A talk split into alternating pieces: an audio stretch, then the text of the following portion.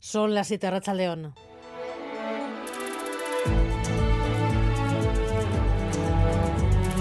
Gambara con Arancha García.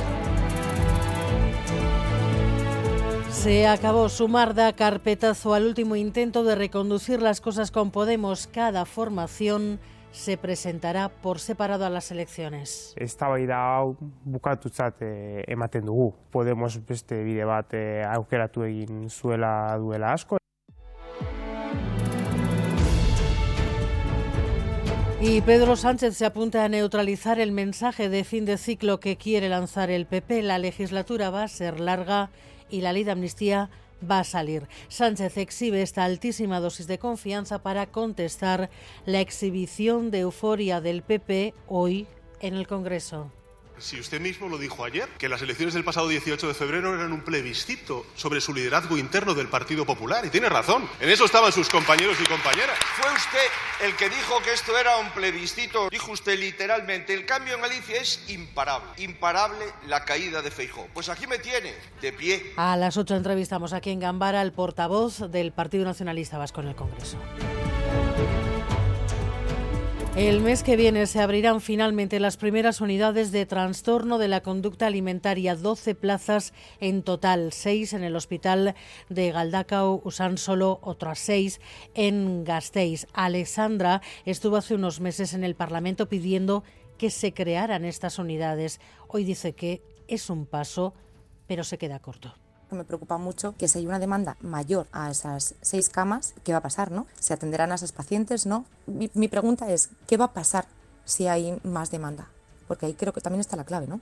20 detenidos, decenas de registros. El número 2 del exministro Ábalos está entre los implicados en una trama de comisiones ilegales en la compra de mascarillas durante la pandemia. Coldo García Vizcaíno era asesor del ministro de Fomento. Está acusado de cobro de sobornos. Es el último caso de irregularidades en la compra de mascarillas, pero la lista es larga. John Fernández Mur. Sí, por ejemplo, en Almería el vicepresidente de la Diputación fue detenido por adjudicaciones irregulares y en Cataluña la empresa Basic Devices presuntamente defraudó el IVA de las mascarillas vendidas a la Generalitat. En Canarias hablamos de otra presunta estafa de 4 millones a la sanidad pública y el Ayuntamiento de Madrid podría haber sido estafado hasta dos veces. En el caso más mediático, que eso sí, fue archivado, se vio implicado el hermano de Isabel Díaz Ayuso, a quien se investigó por un contrato de 200.000 mascarillas por más de y medio de euros. No tuvo consecuencias legales, pero desató una tormenta interna en el PP que terminó con la salida de Pablo Casado. En Rioja Alavesa crece la preocupación por la falta de lluvias. Las reservas están bajo mínimos y la primera medida adoptada por el Consorcio de Aguas de la comarca es que las piscinas municipales de todos los pueblos tengan que abrir menos días. El problema que tenemos es que sigue sin llover en Río Jalavesa. Tenemos los sondeos, que es donde que nos abastece el 80% del agua de la comarca, y están como el año pasado en agosto.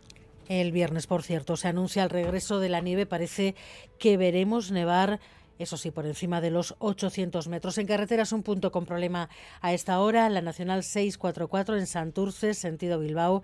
Un turismo averiado está obstaculizando el carril derecho dentro del primer túnel saliendo de Santurce. Y los deportes, Edu García, Rachaldeón. ¿Qué tal, Rachaldeón? Un día más o menos tranquilo este, ¿eh? un poco de compás de espera, la espera que va la competición. Lo va a hacer este próximo viernes para la Real con el durante el Villarreal. Hoy han trabajado con normalidad Seraldo Becker y Kieran Tierney. Se espera que los dos puedan ser de la partida para enfrentarse al equipo castellonense. Tenemos también partidos de octavos de final de la Liga de Campeones, los que cierran esta ronda a las 9 de la noche, Oporto Arsenal y Nápoles Barcelona. Y también noticia destacada de este miércoles, la sanción que se había impuesto a Pierre Henry, al base norteamericano del Basconia, que dio, fue sometido a un control antidopaje en eh, febrero del año pasado, en enero del año pasado, perdón.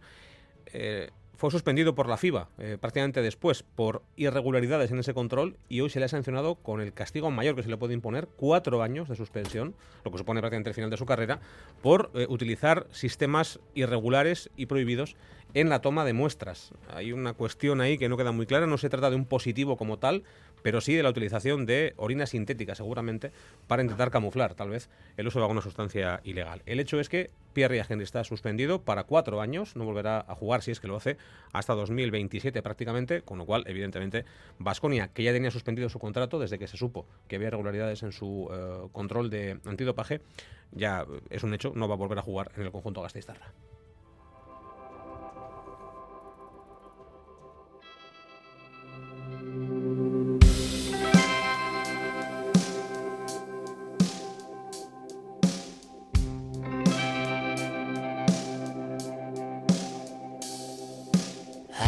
Paso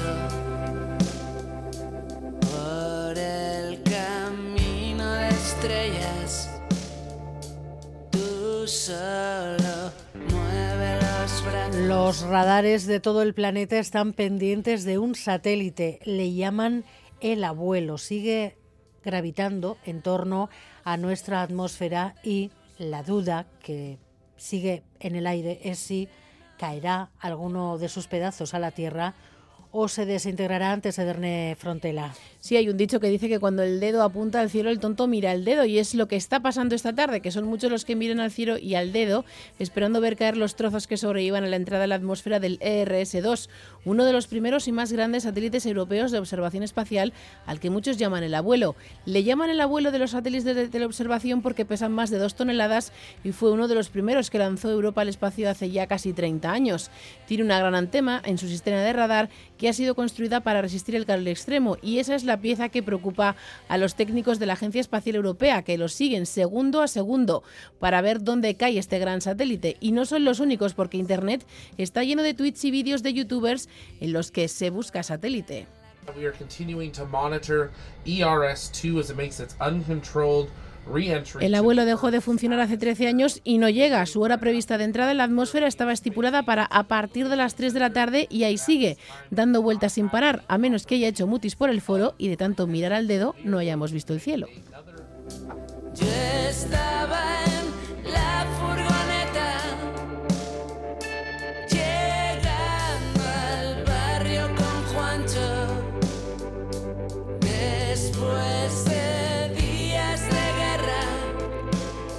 Miguel Ortiz y Alberto Sobelia están en la dirección técnica, Cristina Vázquez en la producción.